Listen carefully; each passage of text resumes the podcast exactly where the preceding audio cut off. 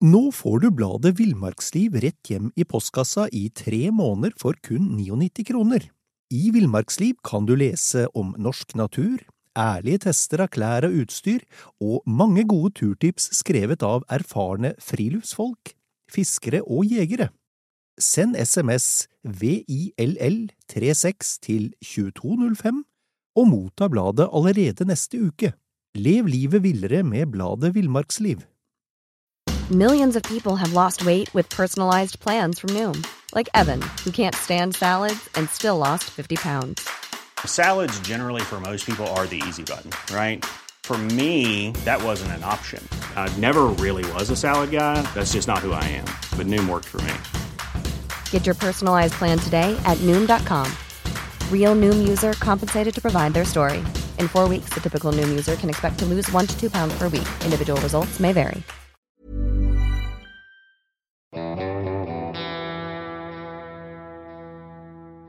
Velkommen til podkasten Villmarksliv. Mitt navn er Alexander Bergan, og jeg er journalist i bladene Jakt og villmarksliv og redaksjonssjef i bladet Alt om fiske. Det er ikke alle forunt å ha en jobb som også er en hobby.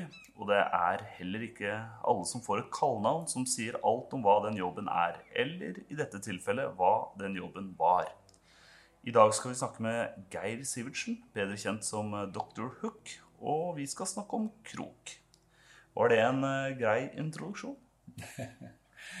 ja, navnet Dr. Hook det har vel fulgt meg i uh, en del år nå. Kanskje ca. 20, faktisk. Og det er da Dr. Hook, men uten The Medicine Show? Jeg er nok glad i å synge, og synge både i dusjen og bilen, og til og med en gang iblant på fisketur. Men noe talent, det er jeg nok ikke der. Men uh, det er nok fiskekroken. Det er uh, like attåt. Nettopp. Så kan du fortelle litt om, ja, om deg selv, og om hvorfor du har fått navnet Dr. Hook.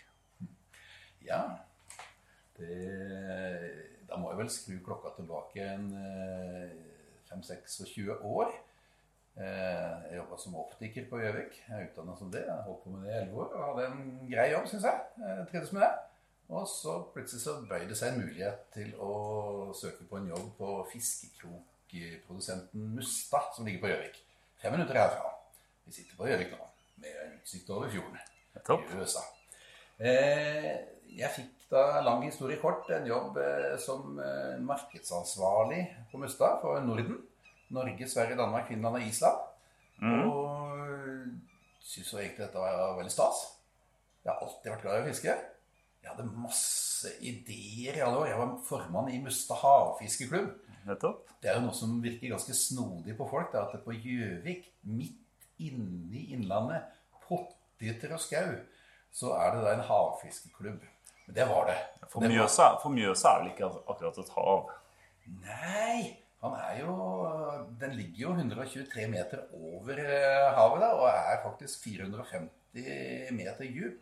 Men noe hav er det ikke. Det er liksom smaken av salt den mangler her. Nettopp.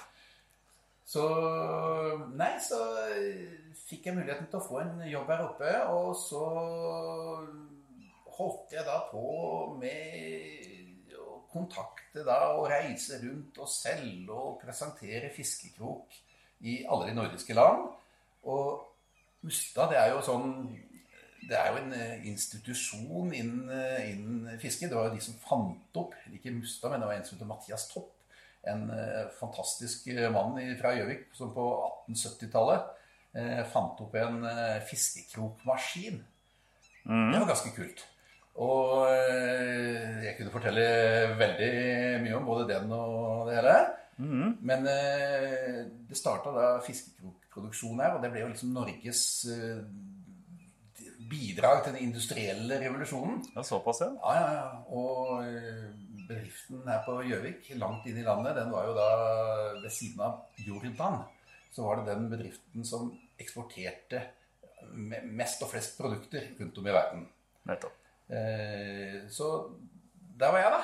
Vi hadde masse kolleger som var markedsansvarlig for andre og mer eksotiske land. Jeg hadde Norden, og veldig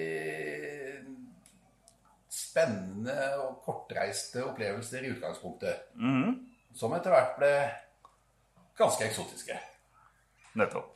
Og da var det da altså krok som var din eh, ditt eh, virke. For altså på den tiden så var vel også Mustad holdt vel på med veldig mye annet, og ikke bare krok. Eh, når jeg begynte, så var faktisk Det var før den siste eh, fisjonen i Eller siste, gudene vet om det var det, men i hvert fall Mustad hadde den tida både kaffe, altså Mills kaffe eh, De holdt jo på med De hadde forma. Så første gang jeg holdt foredrag om fiskekrok inne i Oslo, jeg var så svett i panna at du aner ikke, så kommer det en fyr bort til meg etter eh, foredraget og slenger en pose med kaffe i bordet foran meg og er sinna som ei fele, for vakuumet hadde gått ut av kaffeposen. Ja, nettopp. Og så hadde vi binders og tegnestifter. Ja. Og der var det jo sånn at folk kom og sendte svære brev og klaga for at disse eh, boksene med tegnestifter Det var bare 98 tegnestifter i boksen. Ja, nettopp. Og sånt gjør de ikke ustraffa. Det er helt klart. Men bortsett fra det så var det, var det fiskekrok. Eh, Andre produkter kom jo til seinere. Mustad har drevet med masse rart med stenger og sneller og sånt, som jeg også hadde mye med. Men fiskekrok, det var greiene. De har jo produsert Den gangen så var tallet på ca. 150 000 forskjellige fiskekroker som de hadde produsert. Da medregna forskjellige farger og forskjellige pakninger. Og, dette her kunne, og, disse, og disse fiskekrokene selvfølgelig kunne du på rams. De første gangene eh, jeg begynte å se på disse listene over fiskekroker på Mustad, så gikk øya helt eh, rundt i huet på meg. Jeg skjønte ikke en dritt. For det er disse navnene vet du, de hette noe sånt som 34007 og 3461E og altså 39951. Hvem er det som skjønner noe av det der? Det, det er ikke, den mennesket er ikke født. Men etter å drive med dette her i noen år, så prater de med det der stammespråket, da. Ja. Men så var det det liksom som, som en bedrift, en organisasjon, og som en salgsperson som skulle selge og kommunisere dette til andre, så skjønte jeg at dette er kanskje i overkant krevende. Og sånn er det faktisk innen veldig mye innen fiske. Det er veldig, veldig mye stammespråk. Tenk f.eks. på fluefiske. Du, sk- Tenk hva du skal kunne før du kan gå inn i en butikk og så kjøpe deg et flueutstyr. Du skal kunne forholde deg til weight forward og AFTM og lengder og fot og fortommer og dubbing og altså, halvaksjon og helaksjon. Snake-ringer og butts.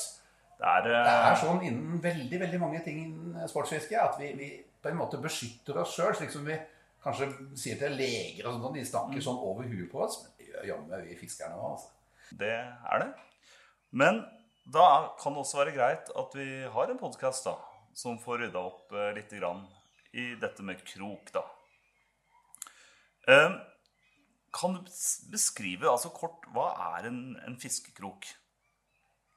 Wow. Det er jo et, eh, et spørsmål som er så enkelt at det er nesten vanskelig å svare på det. Men eh, en fiskekrok eh, er jo selvfølgelig en greie som er laga for å fange en fisk. Og det er jo gjerne, per i dag i hvert fall, en eh, bit med ståltråd som er bøyd. Eh, nesten som en sånn U eller krampe, men den ene enden er litt eh, lengre enn den andre. Så er den spiss i den ene enden. Og et, eh, noe til å feste lina med i den andre enden. Eh, da er det jo i den enden som du fester lina, der heter det jo gjerne krokøye. Mens på Det er ikke gitt. For det er at eh, innen sånn som matchfiske, som er sånn moderne meite og greier, da har de en sånn rett bitte som er kanskje litt sånn klemt flat. Og så binder du snøret rundt, eh, rundt leggen på fiskekroken. Så du får da en såkalt styrende knute, som er faktisk ganske smart. Og det samme yrkesfiske. De binder også gjerne krokene eller knutene på en måte at du slipper eh, øyet. Nettopp. I hvert fall så var det sånn i gamle dager. Men den andre enden, den som er spiss, der er det i de fleste tilfeller en mottaker rett under. Så når fiskekroken trenger inn i fiskekjeften, så sitter den der en gang for alle. Mm. så er den eh, spiss. Men måten å få til alt dette her på, det kan det skrives bøker om. Bøkene som egentlig aldri er skrevet. Men veit du, vet du hvor lenge vi har hatt disse fiske, fiskekroker? Altså, hvor lenge har det blitt brukt som et, et fiskeredskap? Mm. Det er nesten så lenge som det har vært eh, mennesker på planeten. For det er at eh, hele tida så har det vært om å gjøre altså, Sportsfiskerne de er nok ikke så sikre på at fantes den gangen. Men det å skaffe seg mat, det var jo da helt ifra tidenes morgen enten at du måtte dyrke noe, eller så måtte du fange og drepe noen dyr, eller så måtte du fange en fisk. å fange en fisk, det gjorde de da med redskap av, av tre. De spikka seg liksom en eh, fiskekrok og bandt det sammen med tau. De brukte stål, eh, kobber og andre materialer. Eh, bein har vært veldig mye brukt til det. Eh, og disse fasongene på de fiskekrokene de så jo nest, altså Noen ganger så det ut som det som vi forbinder med en fiskekrok. Som bokstaven J, som vi kaller J-krok. Eller så så det ut som en sånn bokstaven C, eh, som er liksom en eh, bue, nesten. Som er en sånn sirkelkrok som vi kjenner det. Eh, så eh, disse eh, rare, gamle krokene, de du, du kjenner det veldig godt igjen fra i dag. Og faktisk er det brukt også Det kan du nesten ikke kalle krok. Men du kan tenke deg at du tar en liten pinne, og så lager du en spiss i begge ender. Så binder du fast et tau på midten. Og så okay. stapper du den inn i en annen fisk. Eh, når fisken svelger dette, og du begynner å dra, så stiller den pinnen seg på tvert ned i svelget på eh, fisken. Og uten at det da er en ordentlig krok, så fanger du da fisken. Men det Da skal vi langt tilbake igjen i tid. Ja, det, det, jeg har sett det brukt, jeg har sett det på museer og beskrevet. Ja, jo, du må jo Du må nok sikkert i hvert fall 100 år. Ja. Ja. Men hva er det Altså, hva, hva kan man si kjennetegner en god krok i dag?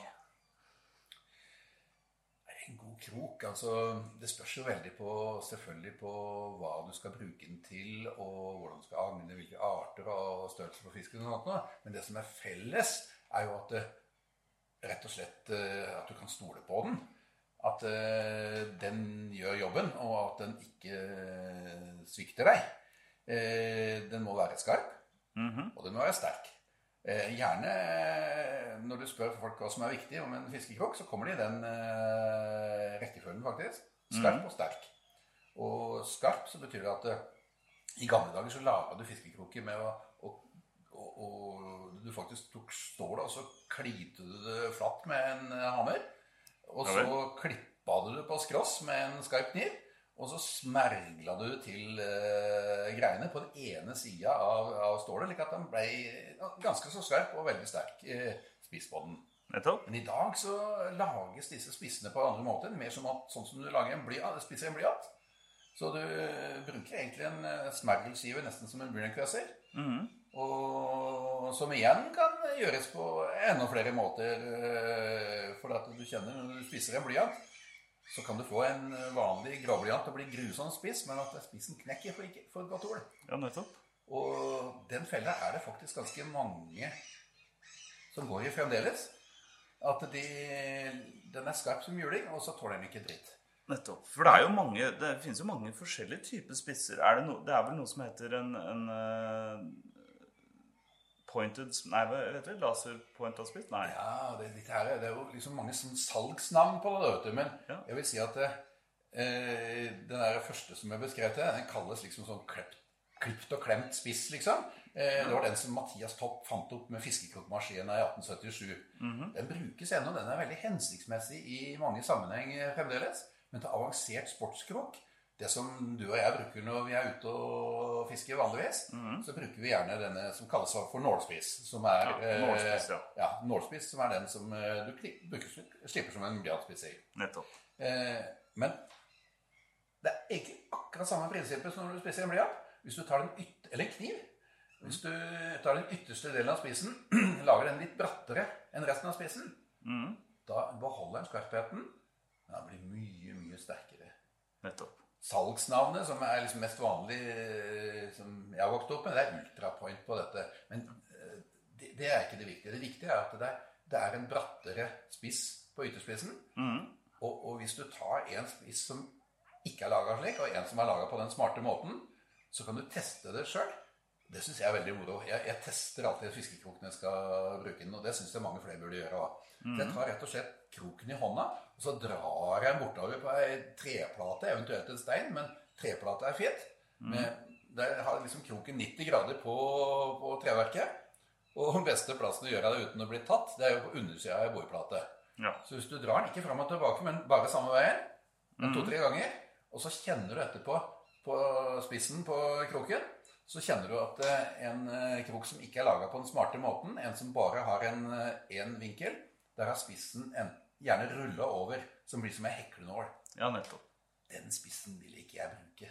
Nei. For med en gang du kommer borti en stein, bein, til og med et treverk eh, som du kommer borti, hvis du setter fast ledd, så er kroken fisker veldig, veldig mye dårligere.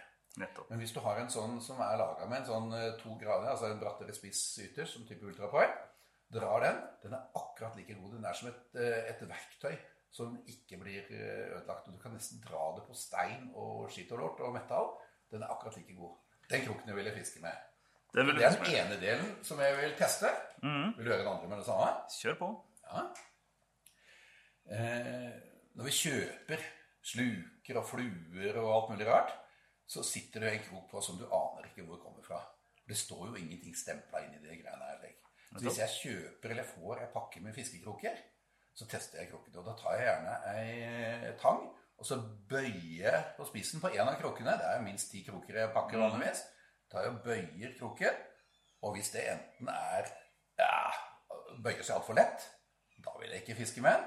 Hvis den bøyer seg og plutselig sprenger av, knekker tvert, da vil jeg ikke fiske med den. Og dette skjer faktisk ganske ofte, for det er veldig forskjellige sånne herdefilosofier på fiskekrok. Det ene er forskjellige filosofier. Det andre er at noen rett og slett bare ikke gjør jobben ordentlig, eller, eh, eller eh, inkonsekvent, da. Nettopp. Så disse krokene Når du kjøper eh, Det kan jeg også ta. Når du kjøper en, eksempel en pilk, så er det ofte sånn som vi kaller billig kinavare. Pilkene og slukene kan være veldig bra. Men test for guds skyld splittringen og kroken. Ta tak og så vri. Veldig ofte så er disse her splitteringene så dårlige at de åpner seg. Ok, da bytter vi splitteringen, Og kroken kan du klemme og ødelegge og deformere. Kjøper du en billig kinavare, pilk og slurk, bytter splitteringen av kroken, så har du et kjempeprodukt som du har fått mye for penga. Det er bra. Eh, Jeg har jo selv vært og eh, mista en kveite på en dårlig splittering. Det gjør jeg aldri igjen. Disse greiene her, disse dårlige greiene, de holder kjempefint når du får alle disse små småfiskene, drittfiskene. Men når du får ditt livsfisk, da går det til helvete. Det var det Så da har du spart altså kanskje opptil flere kroner på å ikke bytte de greiene. Så har du reist hele livet ditt å, rundt og fiska for å få denne superkveita, og så ryker den pga. at du ikke har kosta på deg å bytte den der jævla kroken og splittringen. Det var selvfølgelig den kveita jeg tok, som var den største kveita noensinne fiska der oppe i nord. Vil jeg tro, da. De vi mister, er gjerne det. Det er gjerne sånn. Eh, Vi har vært eh, innom eh, litt kroken før og nå.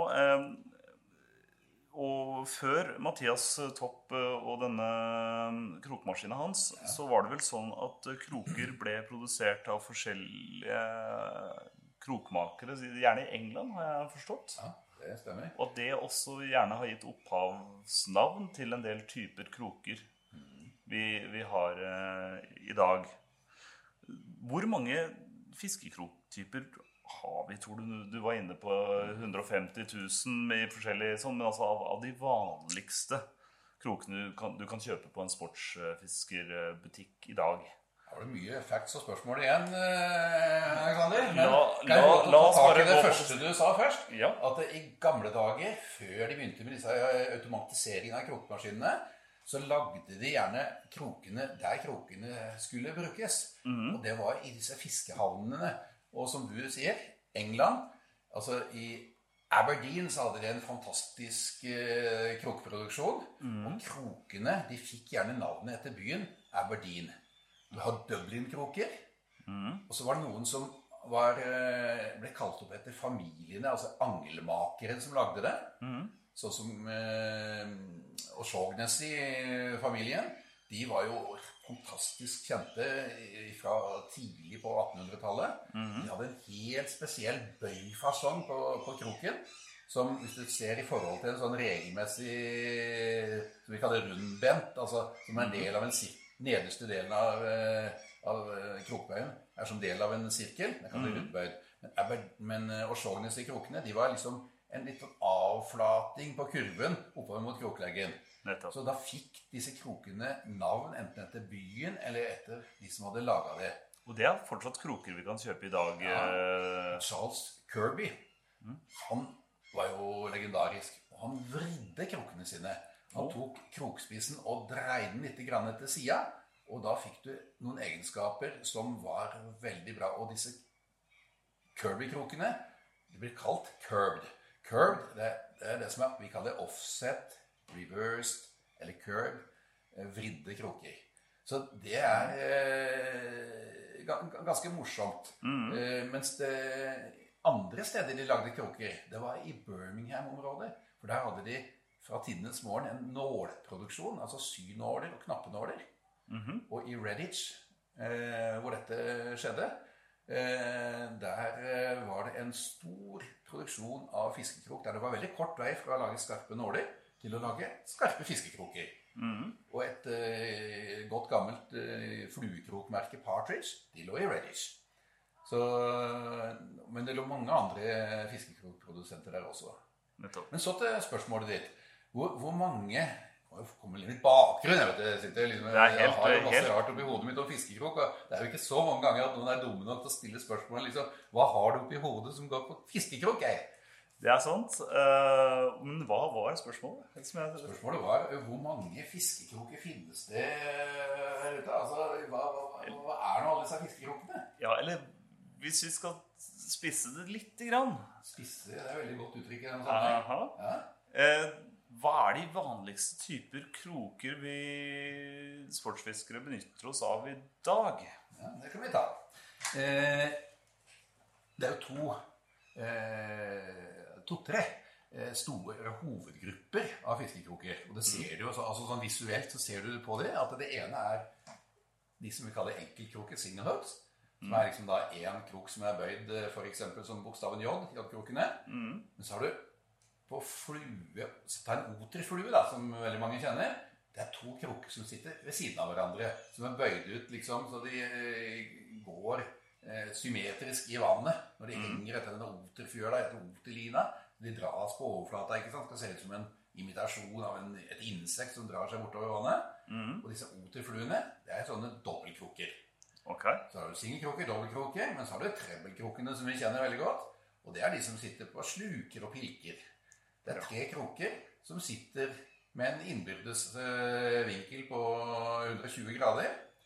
Eh, hvis du tar 360 og deler på tre, så får du ganske så nøyaktig 120 hvis du ikke har deformert fiskekroken eller regnestykket ditt.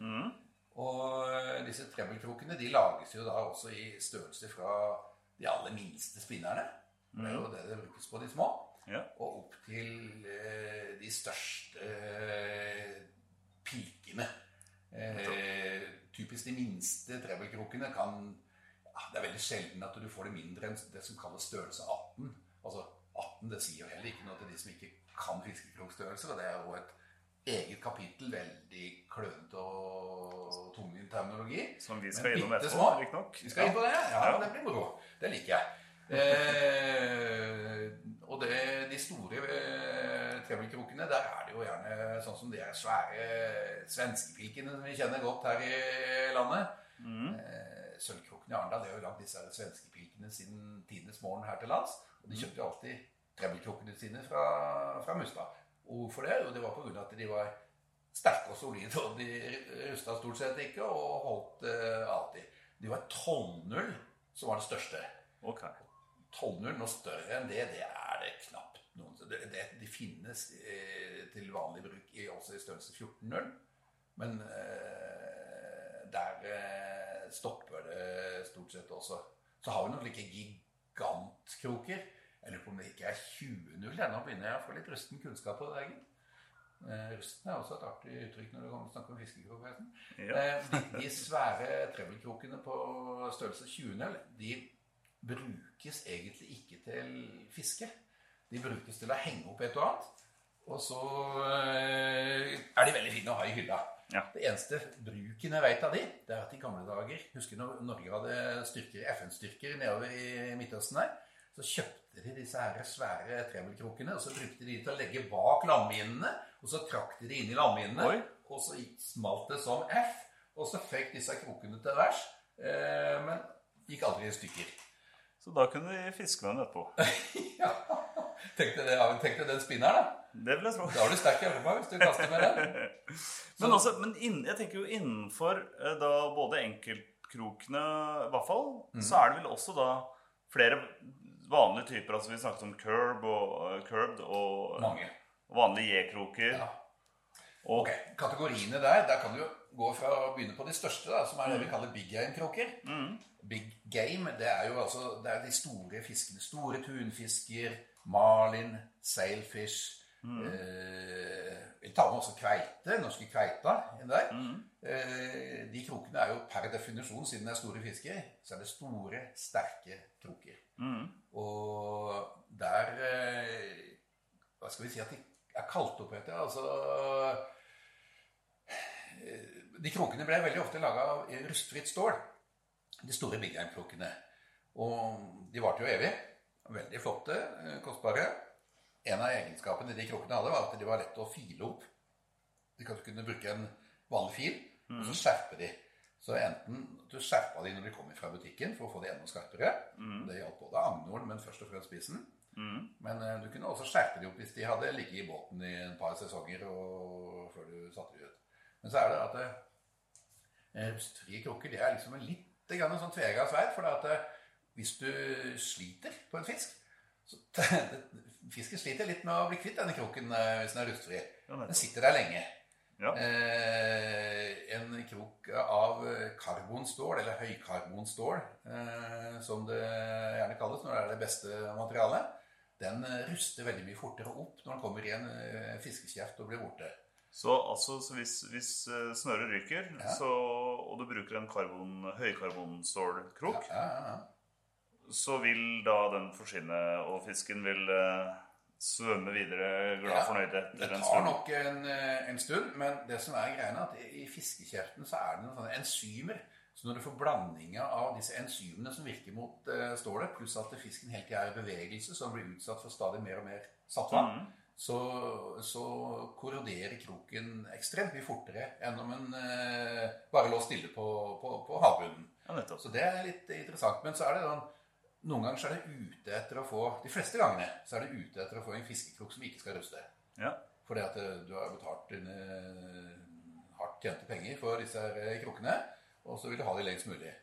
Men så noen ganger så vil du at krokene skal ruste fort opp. På grunn av at det finnes fiskearter der eh, eh, så, så, Nå er det ikke lov å fiske hai lenger. Eh, men når du fiska hai, så var det veldig ofte at og du ikke skulle ha noe om bord, at du bare kutta snøret. Så lot fisken stikke av gårde med, med kroken, for det gjorde du mindre skade enn når du vrei den ut igjen. ja, nettopp. Men hvis du da brukte et, en overflatebehandling på krokene som kanskje primært var beregna for ferskvann, Mm. f.eks. at den var brunlakkert eller noe sånt, nå, så, eller nikkel, eh, black nickel-behandla, så, så rusta det mye fortere opp. Og det verste du kan gjøre hvis du vil ha en fiskekrok til å ruste, det er å ha på gull. Du, for det, det produseres en del fiskekroker som eh, legges 24 karat gull utenpå nikkel. Ja. Og da får du en sånn offeranodeeffekt, akkurat sånn som du har med en sinkanode på en, eh, en båt. Eh, så at eh, den gjør at stålet ruster veldig, veldig fort opp. Så skal du ha den perfekte kroken som skal bare forsvinne etter en stund. Legg på 24 karat gull, som eh, østeuropeerne er veldig glad i. Yes. 24 karat, for de syns at det liksom ah, skal, skal ha det fineste kroken, så skal det fader ut av det være gull. altså. Men har du da egentlig lyst på å miste en, 24, eh, en krok med 24 karat gull? Det er jo tynt, da. Det er jo tynt lag. Ja ja, men allikevel. Gull er gull. Gull er gull. Eh, men ja, ikke Jeg sant? kom sant? gjennom noe flere enn de Big Gang-krokene. Det gjorde vi ikke. For at, Nei, det gjorde vi ikke. Nei. Eh, Big Gang-krokene er jo bare liksom i enden av skalaen. Og så har du alle disse her type kroker som brukes til forskjellig agnfiske. Eh, det er eh, Og enkeltkroker, singelkroker, brukes jo først og fremst til, eh, til agnfiske. Ja. Eh, og da har du kroker som eh, min, mine to favoritter eh, fiskekroker. Det er eh, Jeg fisker mye i saltvann. Jeg er veldig glad i havfiske. Ja. Sammen med mitt kjære Team Ustad Norway har vi vært ute og fiska havfiske i hele verden. Og singelkrokene som jeg har brukt da, det er enten en som heter Beak, og en som heter O'Shaughnessy, som vi snakka om eh, opprinnelsen til i stad.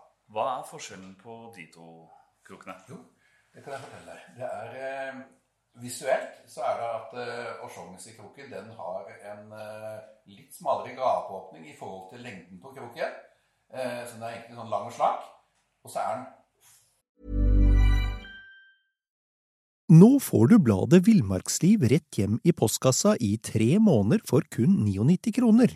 I Villmarksliv kan du lese om norsk natur, ærlige tester av klær og utstyr, og mange gode turtips skrevet av erfarne friluftsfolk, fiskere og jegere. Send SMS VILL36 til 2205 og motta bladet allerede neste uke. Lev livet villere med bladet Villmarksliv. There's never been a faster or easier way to start your weight loss journey than with PlushCare. PlushCare accepts most insurance plans and gives you online access to board-certified physicians who can prescribe FDA-approved weight loss medications like Wigovi and Zepbound for those who qualify. Take charge of your health and speak with a board-certified physician about a weight loss plan that's right for you. Get started today at plushcare.com slash weight loss. That's plushcare.com slash weight loss. plushcare.com slash weight loss. Kan ta legge den innimellom uh, arkene i ei bok, og den uh, fyller ikke opp. Den er da ikke curbed. Ikke curbed. Nei. Det er akkurat den ikke er. Uh, men en fantastisk krok. Du kan bruke den fra alt til agnfiske, til fluekrok, til uh, faktisk til lettbiggerfiske. Eh, skal du fiske bergene på brygga i Arendal, og tar du den minste av de, og det er aldeles glimrende. De, de finnes både som eh, røstfrie, og de finnes som eh, ikke-røstfrie. Mm. Typisk så har de det der stammespråket vårt, ikke sant? Så heter de 3407 eller 34007. Ja, nettopp. For de som måtte være interessert i det. Og så har du den andre krukken, som er favoritten min, som er liksom min favoritt av alle. Mm. Det er en beak-krok. Ja vel. Eh, på stammespråk en 92553 eller en 92554, som er litt kraftigere. Og Det er også en greie med disse numrene og krokene, at du får én krok som er liksom ja, sånn og sånn. Og så får du den samme med litt tjukkere wiremeter, tjukkere ståltråd, mm. som tåler enda litt større fisk. Og så får du noen som er enda sterkere, og så har du noen som er enda tynnere. Ja. Det som er greiene, er at du skal egentlig aldri fiske med tjukkere fiskekrok enn det du må. Nei. For det at du kan tenke deg sjøl å drive et stykke stål gjennom et materiale, om det er en fiskemunn eller hva som helst. Jo tjukkere greiene er, jo mer kraft skal det til. Et tynn nål trenger utrolig mye lettere gjennom enn en diger spiker. Ja. Så gå alltid, når vi snakker om wirediameter, ned på wirediameter dit du syns du kan. Men dette kreves jo erfaring for å, å, å komme frem til hva som er riktig krok for ditt uh... Ja, det gjør det. Så, men i utgangspunktet så er det veldig ofte at det liksom, markedet har funnet ut mye av dette greiene. Og de som er liksom de beste, det er ofte de som har overlevd, og som du, du finner ute i butikkene. Mm. Til en viss grad. Men denne kroken, da, den er da vridd litt, grann, Altså- litt grann offset, reversed curd. Eh, Altså bikkroken som vi snakker om her? Bikkroken. Bik betyr egentlig ørnenebb. Eller bik er nebb Ja. ja. på utenlandsk. Og hvorfor heter den nebb? Jo, pga. at spissen på den er bøyd bitte lite grann inn. Nettopp. I tillegg til at kroken er vridd, så er spissen bitte litt grann bøyd inn. Nettopp. Det gjør også at den fanger veldig, veldig godt. Den er vridde kroken. Det gjør at fisken klarer ikke å spytte den ut så enkelt mellom leppene sine som om den ikke var vridd. Så den er lettere for å bli hengende på innsida av leppa. Nettopp. Så har den kroken to egenskaper til. Den er forged, kaldsmidd. Det vil si at du legger kroken på en uh, hoggestabbe, på å si. Klasker litt med baksida på øksa, så blir den flatklemt. Når du flatklemmer litt grann, sånn sideveis der, så blir den litt tjukkere andre veien enn den retningen som skal bøyes eller rettes ut, og enda sterkere. Okay. Og den siste egenskapen som denne kroken har, som jeg er så glad i, denne bikroken, det er at den har et litt sånn bakoverbøyd øye i de aller fleste tilfellene. Det finnes i andre varianter også. Men 92553 for eksempel har litt grann bakoverbøyd eh, øye, og da kan du lage sånne styrende knuter eh, helt perfekt på den. Og en styrende knute Altså styrende knute det vil si at du, du putter krok, eh, lina eh, rett ned i øyet på kroken ovenfra, liksom. Så snurrer du og binder en sånn surring nærmest. Finner på nettet åssen du gjør det. Rundt eh, krokleggen. Og strammer det til. Ser fantastisk elegant ut. Det er liksom litt som en sånn regneløkke. Sånn eh, hangman hengeløkke. Eh, og denne kroken, det som gjør at du kaller den styrende, er at det, når du holder da i lina, så står den fiskekroken rett ut. Så den vrir seg aldri på knuten. Nei, En vanlig fiskeknute som vi lager, der kan kroken vri seg så den blir stående skeivt. Så kroken står liksom rett ut til sida fra lina når den står ned. Og da fisker den ikke like godt. nettopp. Og hvordan du skal se at denne Vik-greiene er smart å bruke, så kan du holde når du knytter fast, så holder du fiskelina, putter fingeren oppe på spissen på kroken, og så strammer litt, så ser du at eh, spissen retter seg liksom inn som en forlengelse av sjølve lina. Penetreringsretningen er riktig, og penetreringskraften blir minst mulig. Veldig sånn eh, nerdete dette her nå, jeg vet det, men så kommer her, setter deg ned og begynner å prate med en som kaller seg doktor, da blir det litt nerdete. Det får vi tåle.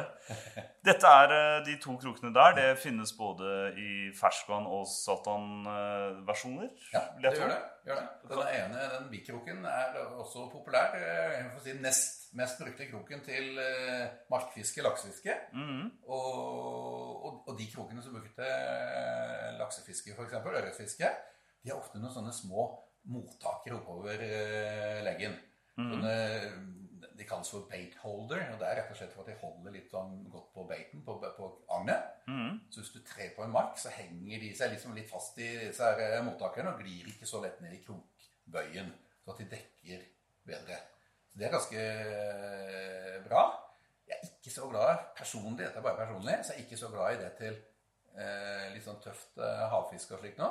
For disse her, eh, når du har skåret disse to hakkene inn i en fiskekrok, så blir det på en måte en litt sånn bruddindikator. Så da kan kroken knekke hvis du, du er litt uheldig. Nettopp. Men det skjer ikke med, på innlandsfiske. Jeg har ikke opplevd det i hvert fall. Det skal vi snakke litt om igjen etterpå. Det er også en annen eh, kroktype som eh, Jeg vet ikke om du er Kan man si at du er opphavsmann til sirkelkroken? Eller? Nei, det er ikke riktig.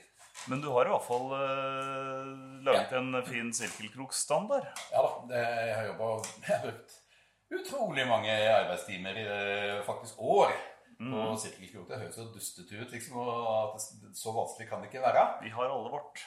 Ja. Men eh, nei, sirkelkroken, den eh, i Opphavet til sirkelkroken, det er det er egentlig ikke ett opphav til den. da, for du- ser disse gamle bein- og trekrokene som vi finner på museer og i gamle skimobøker. holdt jeg på å si. Det var beinkrukker som så egentlig ut som en sirkelkrok. Men av de mer moderne fiskekrokene så gikk de over til å lage yoghurtkroker. Og så er det en historie eh, Jeg kan vanskelig dokumentere den, men at jeg syns historien er ganske god. da. Og det er fra barriererevene ned i Australia. Der drev disse fiskerne og satte linene sine, og de fikk jo masse fisk. Det er jo utrolig masse fin fisk der, og det er veldig spennende å fiske, forresten. Eh, men de satte fast til enhver tid disse linene sine i revet. Og mista fisk og mista liner og dyr redskap. Så fant de ut at de bøyde krok, krokspissen litt inn, litt sånn som en bik. Det funka veldig bra. De fikk masse fisk. Men de satte ennå fast en del. Og så overbøyde de krokene voldsomt. Og så ser de liksom Funker det fremdeles? Det gjorde det. De fikk masse fisk, og de mista færre fisk. Og i mange tilfeller så fikk de mer. Da var krokene bøyd nesten så de gikk trill rundt. Så det var som en sirkel. Det kalte de sirkelkrok. Det er en krok som i dag egentlig brukes først og fremst til to arter. Og det er tunfisk og kveite. Så det er kjent som tunfisk og kveitekrok, men den har gode egenskaper på veldig mye annet òg. Og det finnes også innen yrkesfiske. Så finnes noe som heter easy baiter, som er en sånn linekrok som er nesten som en sirkelkrok, bare at den er lengre line. Den brukes til hyse, torsk og lange. Kjempefine egenskaper. Du sa en linekrok eh, som ser ut som en sirkelkrok, bare at den har lengre line. Jeg sa det, da prata jeg over meg. Lenger kroklegg. Nettopp. Um, men man kan vel også bruke sirkelkrok eh, Jeg har vel jeg har skjønt at det er en del eh, elver, altså for sjøørret og, Ja. og laks og sånt, som dersom man skal bruke mark, blant annet, eller fiske med mark, så er det påbudt noen steder å, å ha en sirkelkrok. Og det er egentlig litt eh, spesielt artig. Det er fordi at eh, sirkelkrok når, Det som er greiene med den, er at eh, du kan ikke fiske på samme måte som du gjør med en vanlig joggkrok. Hvis du kjenner fisken napper på en vanlig fiskekrok, vanlig joggkrok, så skal du liksom være veldig på hugget, bokstavelig talt. Og når du kjenner fisken har tatt kroken i munnen, så skal du gi et tilslag.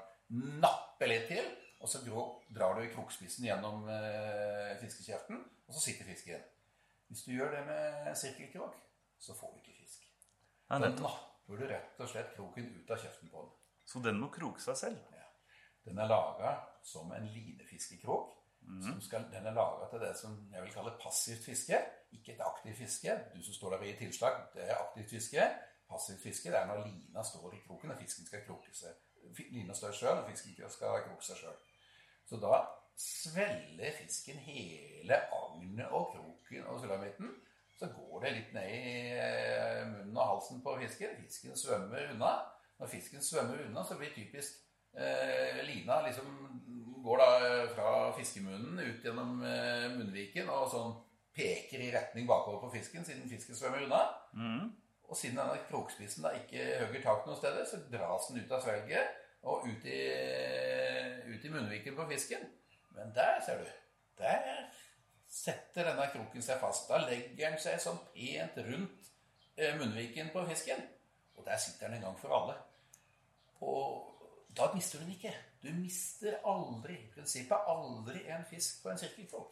Og du skader heller ikke fisken hvis du skal slippe den ut igjen. Du ødelegger ikke halsen og inni munnen og hjelmene og det, som du ofte kan gjøre med en eh, vanlig krok som har svelga svært.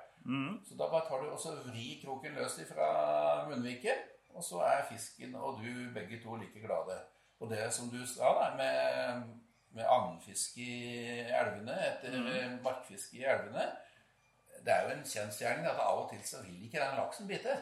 Og da kan det være veldig fristende når du ser fisken stå under deg.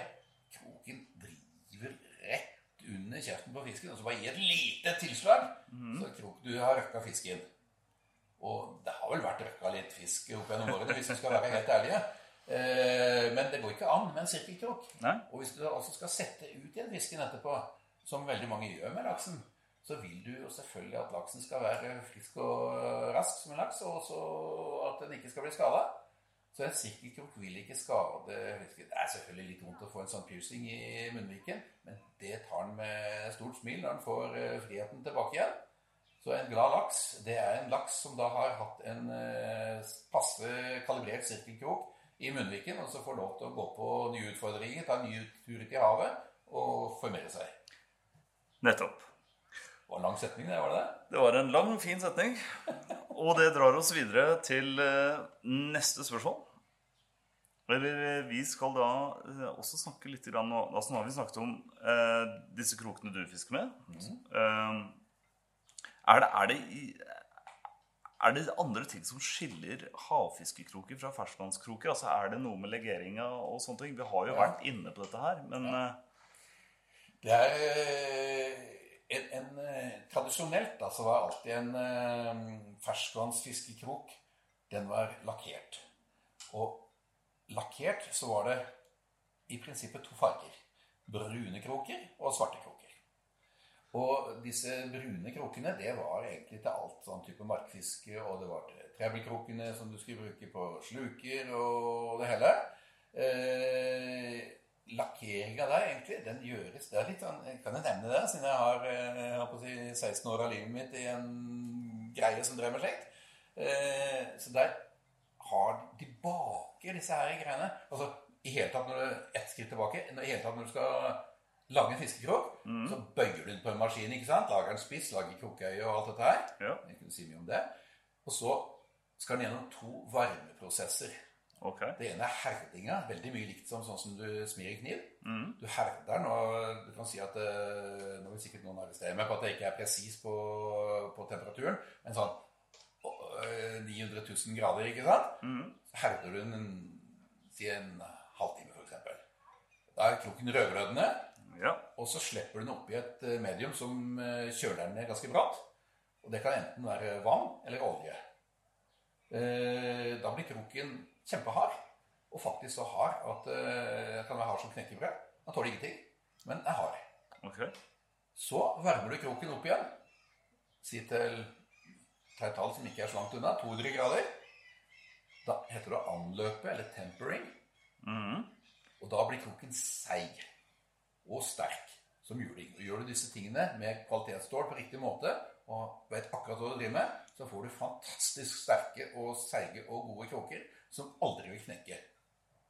Det er to måter å herde fiskekrok på. Enten sånn som vi gjør det her i Vesten, eller slik som enkelte firmaer eh, har hatt tradisjon på å gjøre det i Asia. Mhm.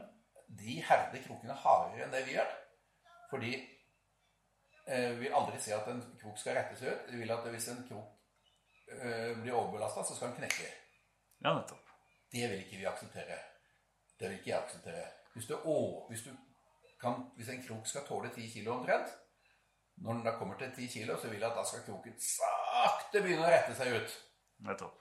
Eh, Men eh, asiatene vil ofte da at eh, da skal han snappe av og så sier Oh, veldig big fish! Hook break! Hvis hook break på meg, på meg da, da blir jeg sur som en potte og vil aldri høre de krokene igjen. Men eh, når du skal lakke en krok, så tar du typisk da en eh, krok og så putter, tar på lakk som er vanlig, klar lakk. Og så baker du omtrent som du baker boller i en ovn. Og så blir, akkurat som bollene som blir brune, så blir kroken brun. Ja. Lakken blir brun. Så du har ikke på brun lakk, du har på klar, klar lakk. Og så baker du brun- brune boller. Men eh, er det sånn da hvis du baker lenger, eh, akkurat som bollene da blir svidde, så blir de svarte, disse krokene svarte hvis du baker dem lenger? Er det Ja, det? ja, ja. Og det er, ikke noe, det er ikke noe smart. Det er sånn vil du ikke ha det. Altså, Du får ikke den svartfargen som du vil ha på enkelte kroker, nei. Da får du bare ødelagt de. Ja, nettopp. Så det for lite, for lite og for mye, det er gærent uansett. Men hvis du skal ha laksekroker, de har tradisjonelt vært svartlakkerte. Da bruker du svart lakk. Og, okay. og hvorfor noen skal være svarte og noen skal være brune, det er nok mer vi enn fisken som vil ha det slik. Vi er opplært til at en laksekrok den skal være svart. En ørretkrok den skal være brun. Men hvis du begynte å fiske ørret med svarte kroker og laks med brune, så er jeg sikker på at det hadde gått nesten akkurat like fint. Så det er mye tradisjon og Veldig, veldig, veldig mye. Men så kan du jo da ta noen kroker og lage de røde. rød, eller gull, eller hva som helst. Men stort sett disse her på, på ferskvann. Og så har det kommet da, det er lenge siden nå, men kanskje 20 år siden, så ble det mer vanlig med noe som kalles black nickel. Du legger nikkel i utgangspunktet, og så er det egentlig en lakk utenpå, og en siler kanskje utenpå det igjen. Eh, og da får du en veldig elegant, eh, vakker eh, krok, som faktisk da er et tynnere belegg.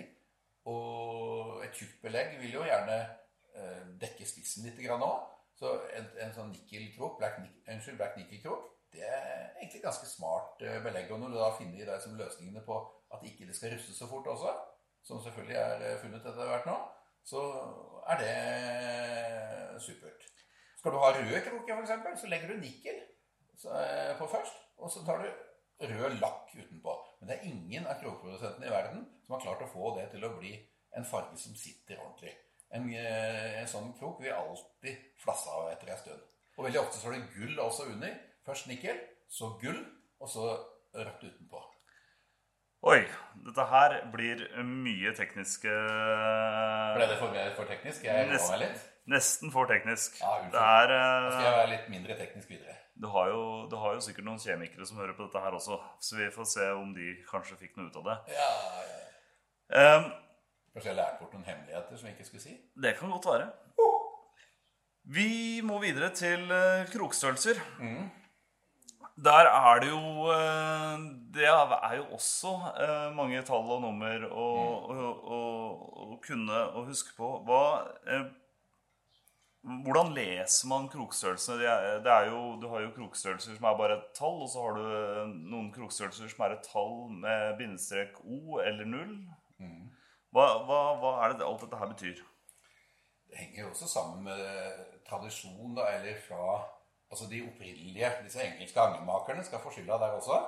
Eh, For det var de som satte normene, og det har vi holdt på som en tradisjon. da. Så typisk så lagde de en krok som het størrelse 2, og så lagde de en eh, litt mindre krok som heter størrelse 3. Og så lagde de en ganske liten krok som heter størrelse 8, og så lagde de en bitte liten, bitte, bitte, bitte, bitte liten krok som heter størrelse 16, kanskje. Ja. Men så skulle de lage en litt større krok enn denne toeren, da. Da ble det nummer én. Og så hadde de brukt opp skalaen. ja, nettopp. Så da tok de så kalte de den neste størrelsen opp. Det kalte de 1 skråstrek 0. Og når de skulle enda en størrelse større, så ble det en skrå, eh, 2 skråstrek 0. Og når du skal ha en svær havfiskekrok, så blir det kanskje 10 0.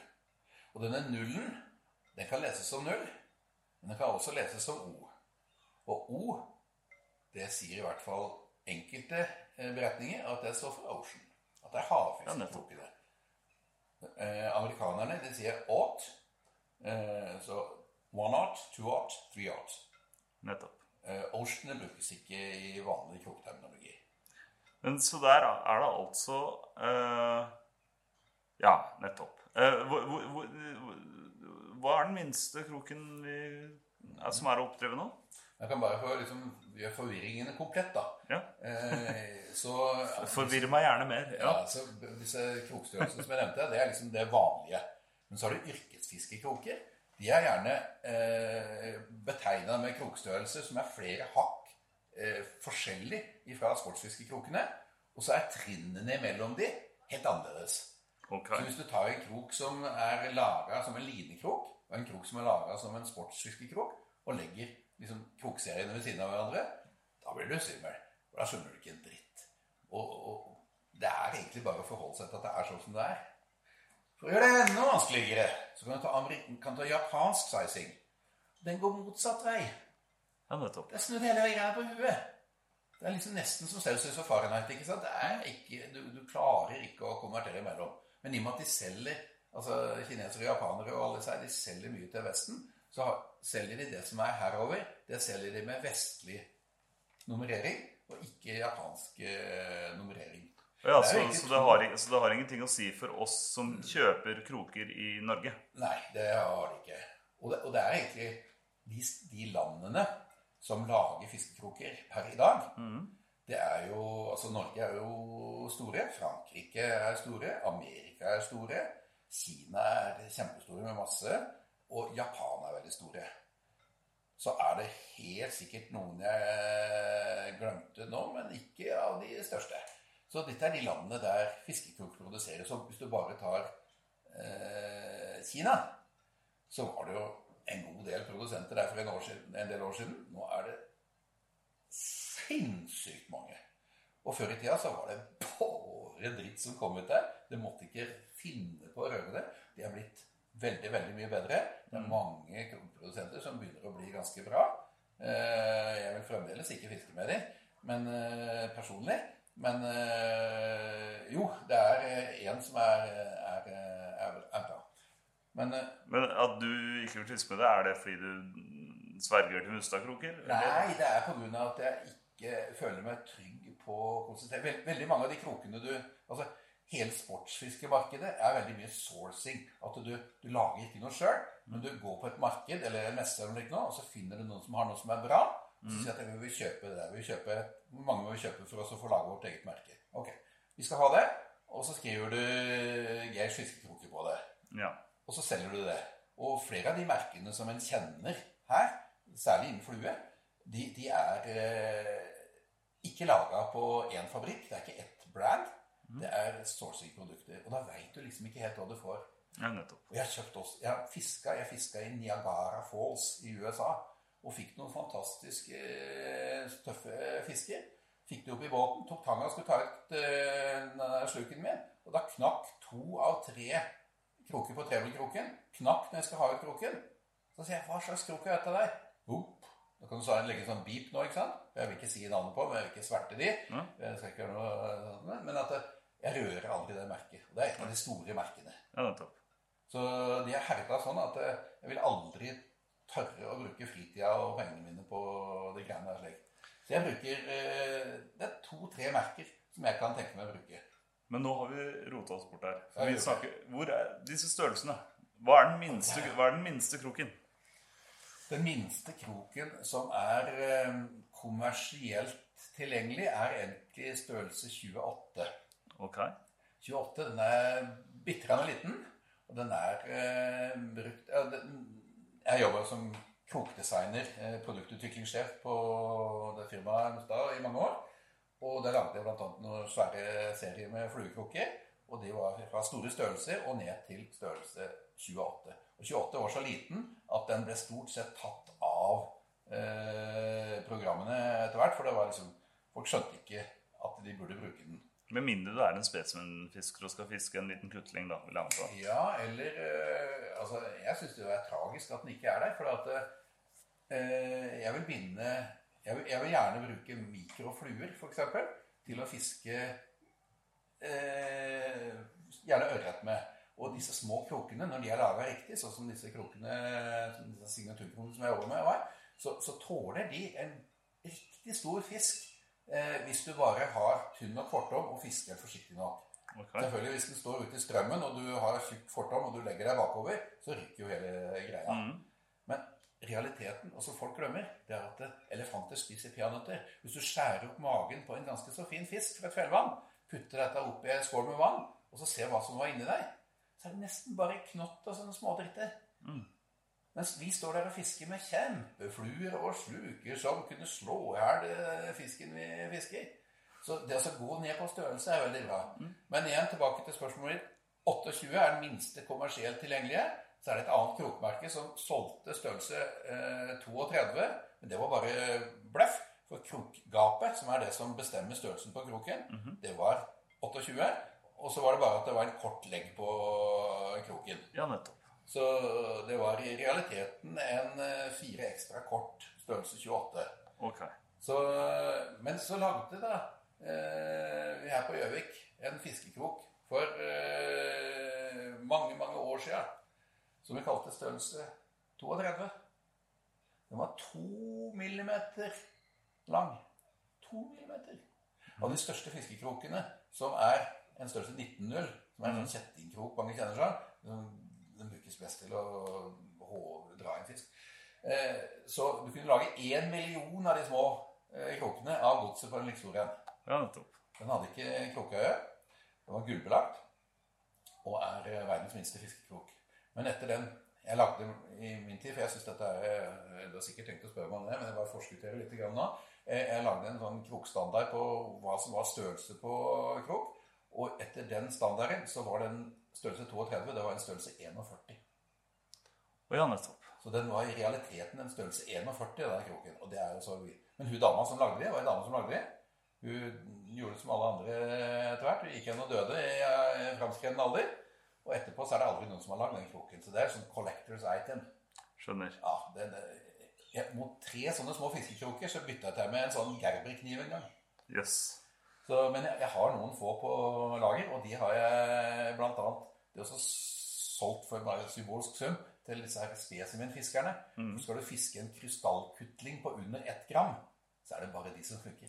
Men der har du altså arven eh, inne på roterommet, da, med disse små Ja, ja. Men det, det sier ikke, du må ikke fortelle noen hvor jeg har det igjen. Nei da, Det blir innbrudd der, for de krokene der de har vært en formue. nettopp. Det er bare til enten de som eh, jeg kjenner veldig godt, eller eh, de som mm, betaler godt. Jordbær eller vin.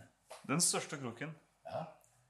det var, var det en krok 19, sa du? 19-0. 19-0. Ocean 19, 1908. Og det er eh, Den har altså Jeg har beskrevet den også som at den har skjortestørrelse 44. Jeg har skjortestørrelse 44 tyrenakke, og den passer godt rundt nakken min. Så jeg kan henge rundt nakken og røsle rundt og kose meg. Da er kanskje det liksom ikke helt sånn akseptert i sosial sammenheng, men den passer rundt der. Så, så, så stor den er. Og så har den en kjetting som er en meter, slik at eh, den ble brukt eh, til fiske i nedre deler av Amazonas en periode. Og jeg tror kanskje de gjør det ennå.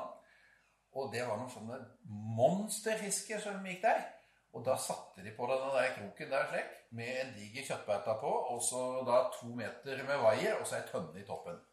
Og når tønne, skjære fisken dro denne tønna, 200 liters fat, under, Eh, og når den kom opp igjen, og den ble liggende stille, så var de borte og henta fisken. Ja. Men de kutta ut denne grove kjettingen fordi de stolte mer på vaier, da. Ja, nettopp. Så kraftig var det. Men Det er en eh, tillegg som jeg har lyst til å komme med når du, siden du har spurt om verdens største. For det at eh, Vet ikke om du så på TV for ti år siden. Great White National Geographic hadde, de var ute og fiska store hvithai. Forskningsgreier i Guadalupe. Og da tok dere den 19-0-kroken, og så varma de opp den, og så bøyde de den til en sirkelkrok, og så var de ute og fiska. Og én og to og tre fisker de mista de pga. at de klarte selvfølgelig ikke å få herda den kroken ordentlig. Så var jeg på ICAST-messa i USA, og så ble jeg introdusert for disse folka. This is Dr. Hook from Norway. He's the guy who develops the hooks. Og så liksom Å, kan du lage en eh, krok til oss?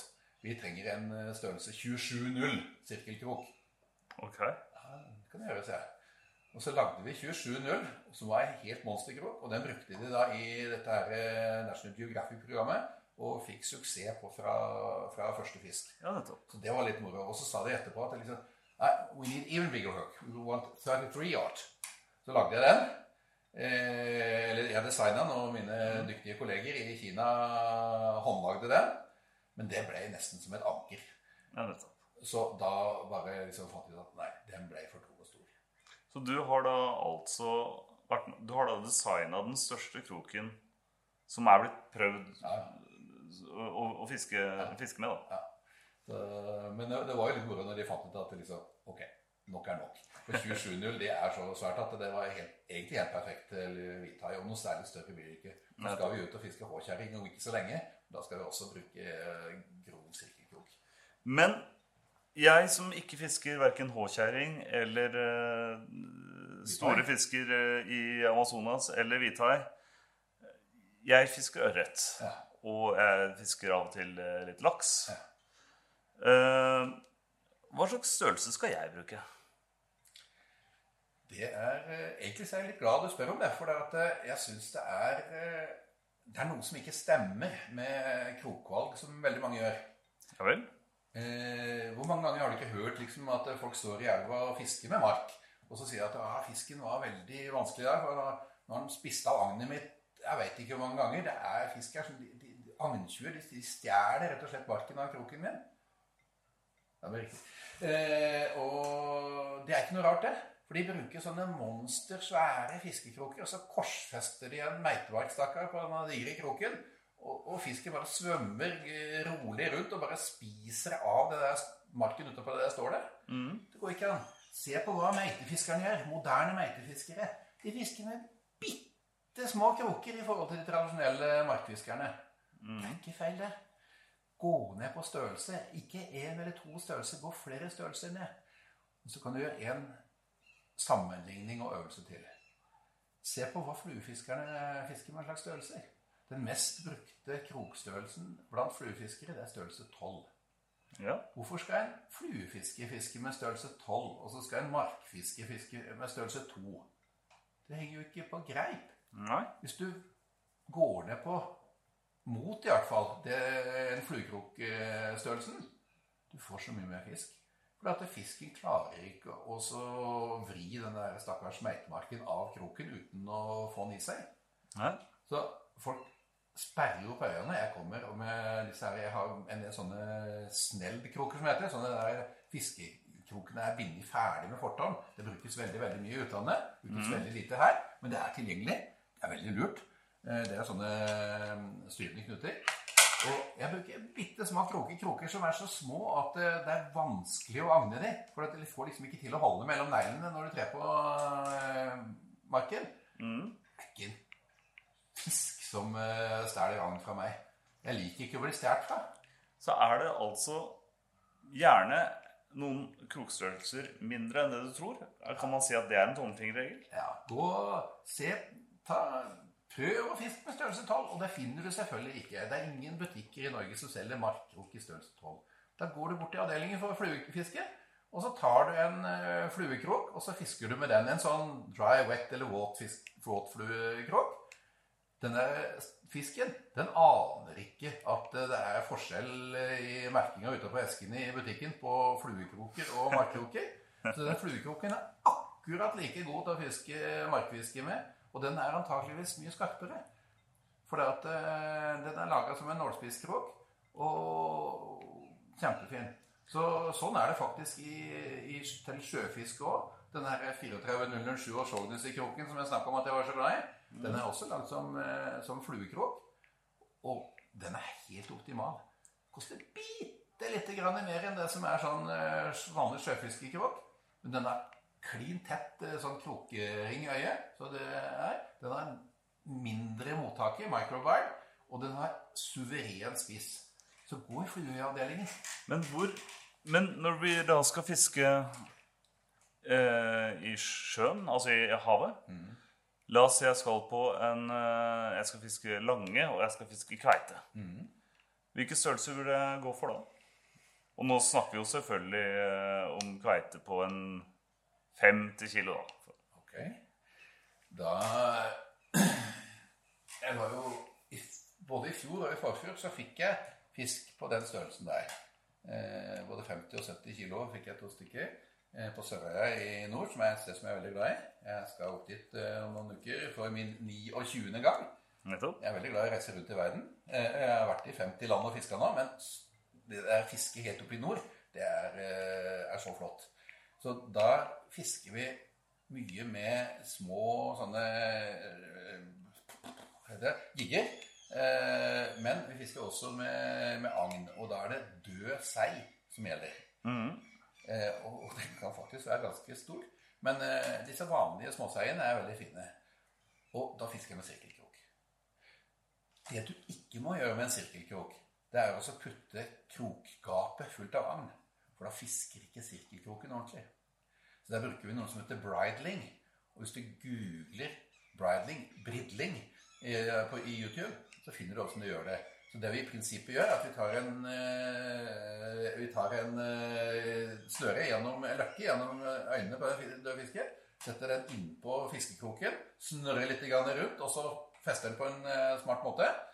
Da, da sitter hele agnfisken eh, løst. Men da er det størrelsen som vi skal bruke her, og det er gjerne Men jeg må, jeg må få lov til å si at det Agne er viktig, skjønner du. Det er ikke så lett å stoppe meg. Størrelsen på Agne på kroken, det kan gjerne være av de største du finner. Okay. Rett og slett de største du finner. Da Så det kan godt være størrelse 12-0. Det kan være helt opp til 14-0, men det finner du nesten ikke på markedet. Mm. 10-0, ja. Eh, men eh, 12-0, 13-0 Og hvilke merke jeg ville velge, det vet du. For det vil jeg velge det jeg har designa sjøl. Men det finnes også gode japanske kroker for det. Mm. Så svære greier. Men når du skal fiske lange, eh, som du også spurte om, så du, kan du gå ned noe på, på 16, og der kan du jo agne med, med biter av uh, filet, av sei eller makrell eller noe likt noe. Men jeg er veldig glad i da å feste disse her i krokøyet, gjerne enten med, kanskje med strips, eh, og, og, og fiske med det. Men eh, si 8-0 til 10-0, da, sirkelkrok, eller egentlig uansett hvilken krok du bruker. Eh, på de store fiskene. Men eh, nå, nå snakker vi fisk 8-0 til 10-0 Ja, på, på lange. Ja, men Da, da snakker vi fisk. Så vi, jeg, jeg er så heldig å, å kjenner mange som jeg har fått lov til å være med på fisketur, både på Vestlandet, Feie og eh, andre steder. Vært på oljeplattformen og fiska noen ganger. Vi har vært der, vi har vi ikke det? Det har vi. Og, og da, da, da, da får vi fiske gjerne på 10 kilo og opp i 20 kilo. Og det er eh, ene fiskekompisen, beste fiskekompisen min, Torunn, hun fikk, har fått tre stykker på over 30 kilo. Nettopp. Så de har da blitt tatt på kroker på 8-0, 10-0 Ja. cirka. ja. Kan bruke faktisk big game-kroker opp til 12-0 òg, men det, det er ikke sikkert det er nødvendig. Men vi skal eh, Vi må hoppe videre før eh, tiden eh, løper fra oss. Ja. Eh, jeg lurer litt på dette med eh, Krokøyet. Ja. Jeg har sett at eh, det er, peker noen ganger innover mot kroken, og noen ganger utover, og noen ganger slår det rett opp. Hva har det å si? Det, det har egentlig mest å si for eh, hvordan du skal knyte knuten på kroken. Hvis du skal bruke en vanlig sluknute, så eh, La oss, Siden vi ikke har snakka så mye om fluefiske, som ellers får veldig mye oppmerksomhet, så si at en, en strimerkrok til fluefiske streamer det er gjerne en liten lang fiskekrok der du vinner invitasjonen så ser ut som en bitte liten, liten fisk. Eh, den har gjerne et eh, krokøye som eh, kan stå rett fram, og det er helt fint, liksom. Så har du noen fluekroker som er eh, Det kan også stå ned, det er niks problem. Men det, det gjør ikke noen forskjell. Eh, Der kan du heller ikke binde inn på krokleggen, for at, eh, der er det allerede noe liksom fjær og består og rart. Eh, Så har du en sånn insektimitasjonskrok, en caddis eller noe sånt noe, nymfe. Den er gjerne krokøye som bøyer ned. Og hvorfor det? Jo, det er egentlig, de aller fleste fiskekrokene vil ha et øye som bøyer ned. Og eh, det er, grunnen er egentlig det samme på alle sammen. Det er at når du har bindet At du får da en posisjon på knuten som er mer i flukt med krokspissen. Når du, når du trekker i lina, altså penetrasjonsretningen til spissen er mer mot krokøyet eller oppover lina enn hvis du f.eks. slo eh, øyet oppover.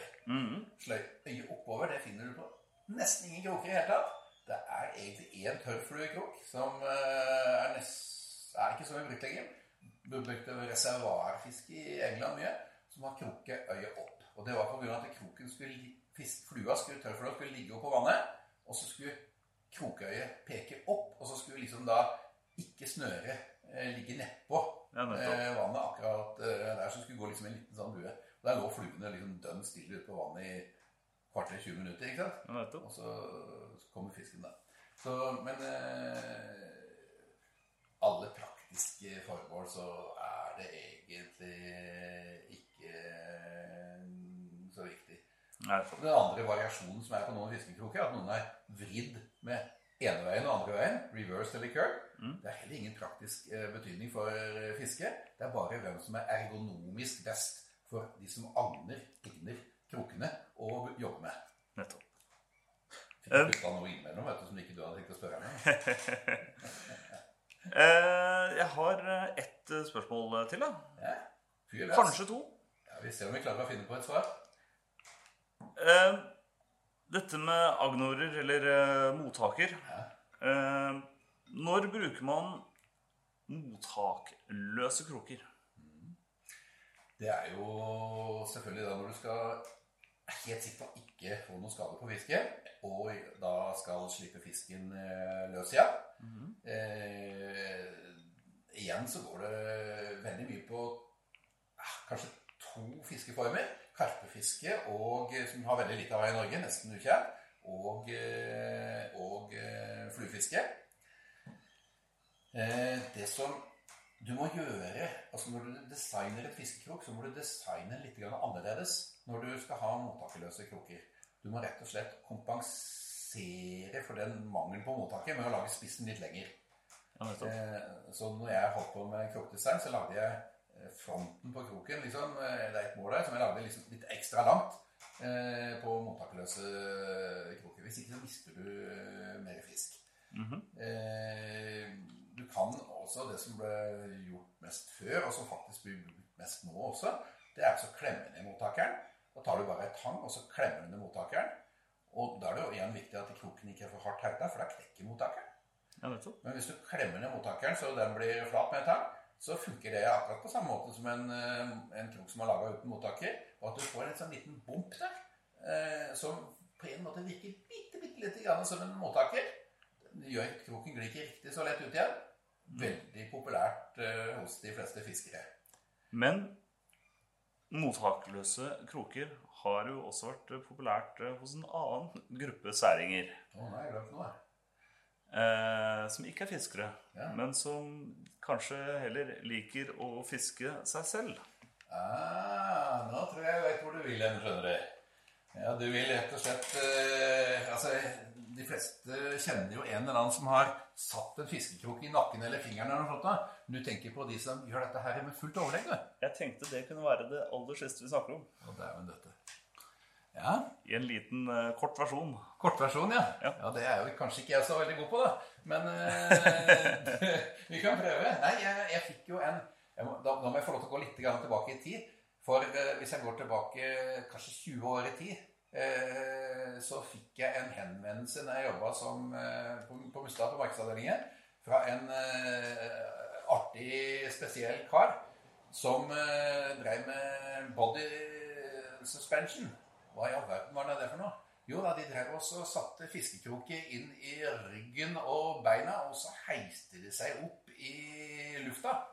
De, de, de, de kjørte typisk da en eh, fire fiskekroker inn i ryggskinnet. Og så hadde de noen trinser oppe i lufta, og så heiste de seg opp i det. Og så syntes de det var veldig artig. Det er litt, litt grann sånn fakir eller eh, sånt noe. Han, eh, han heter Hove Fjell, forresten. Fantastisk spennende kar. Han, eh, han sa til du, Geir, vi kjøper sånne big air-kroker hos Mustad. Og så, eller i butikken. Og så filer vi ned mottakeren, og så polerer vi det. Men det er jo forferdelig mye arbeid, dette greiet, så blir det ikke helt rent. Kan ikke dere lage noen sånne kroker til oss? Ja, Det tror jeg ikke vi kan gjøre, seg, for vi må typisk ha 10 000 fiskekroker for å kunne lage en ny krok.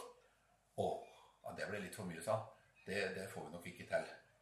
Eh, og så gikk det da fryktelig mange år. Etter hvert så hadde jeg til og med slutta på Mustad begynt med andre ting. Mm. Og så ringer han godeste Hove Fjell til meg og så sier han til Geir nå har vi blitt så mange i denne foreninga vår internasjonalt jeg tror jammen vi klarer 10 000. Ja. Kan du klare det der fremdeles? da? Sier jeg det. Jobber ikke for Mustad lenger. Jeg må kunne klare å få til det der, sier jeg. Og så satt jeg med og så designa jeg den perfekte eh, body suspension-fiskekroken. Mm. Eh, blant annet skulle øyet være litt større, kunne få inn en trins og masse, masse, masse sånn. Og så gikk jeg til Mustad og sa at jeg har en veldig spesiell henvendelse nå. Kan vi få laga disse fiskekrokene her? Eller menneske, ja. menneskekrokene. Som Menneskekrok. Ja. Og dette her, å kjøre fiskekrok i ryggen og armer og bein og knær og sånt, det gjør de helt frivillig. Og driver med dette greiene. Kvinner og menn. Alle sammen er tatovert her. Mm. Eh, og da skulle vi ha to typer fiskekroker. En sånn big end-krok, svær greie, som de skulle kjøre i ryggen. Mm. Og en litt mindre, eh, som vi kaller for salmon hook, som de skulle kjøre inn i låret og leggen og knærne for å heise seg opp. Jeg er veldig glad at jeg ikke må drive med dette greiene her. Det, det virker jo helt forferdelig. Men eh, jeg laga det, og det kosta jo formue for disse eh, folka. Men eh, de kjørte på. Og de har jo solgt dette her og var veldig flinke. Lagde pakninger og markedsføring av greiene og fikk jo dette ut i hele verden. Mm. Eh, men det var jo rart. å kontakta med Han var oppe på Gjøvika. Han hadde jo en sånn rød bart som gikk helt ned på magen. Så mm. han og meg, vi har et artig bilde sammen. Eh, og så sier han men du, det har vært veldig moro om du kom inn, så kunne du kunne få prøve en dag. Sånn. Så kan vi heise deg opp. Ja, det, det er veldig travelt nå, sier jeg. Så jeg heller få komme tilbake til det. Ja, Da, da feiga jeg ut, altså. Det skal jeg innrømme. Det er den fisketuren jeg måtte si nei til. Men ellers så har det ikke vært mange av de. Og eh, Ja, nei, du sier ikke nei til en fisketur. Det gjør ikke jeg heller. Og da tenker jeg at nå er vi vel kanskje godt uh, rusta når det kommer til eh, krokkunnskap for eh, den neste fisketuren. Så da tror jeg vi kanskje avslutter der og ønsker skittfiske.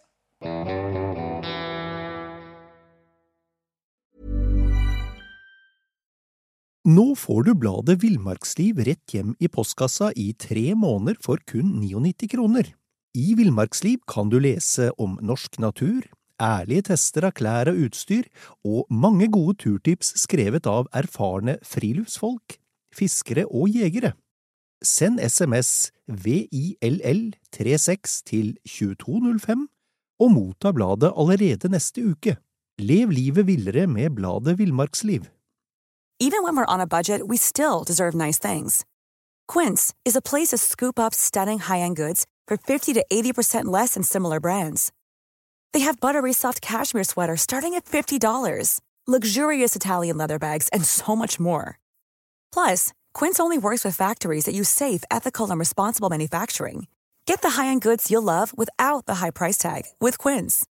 Go to quince.com/style for free shipping and 365-day returns. Mom deserves the best, and there's no better place to shop for Mother's Day than Whole Foods Market. They're your destination for unbeatable savings, from premium gifts to show-stopping flowers and irresistible desserts. Start by saving 33% with Prime on all body care and candles. Then get a 15-stem bunch of tulips for just $9.99 each with Prime. Round out Mom's menu with festive rosé, irresistible berry chantilly cake, and more special treats. Come celebrate Mother's Day at Whole Foods Market.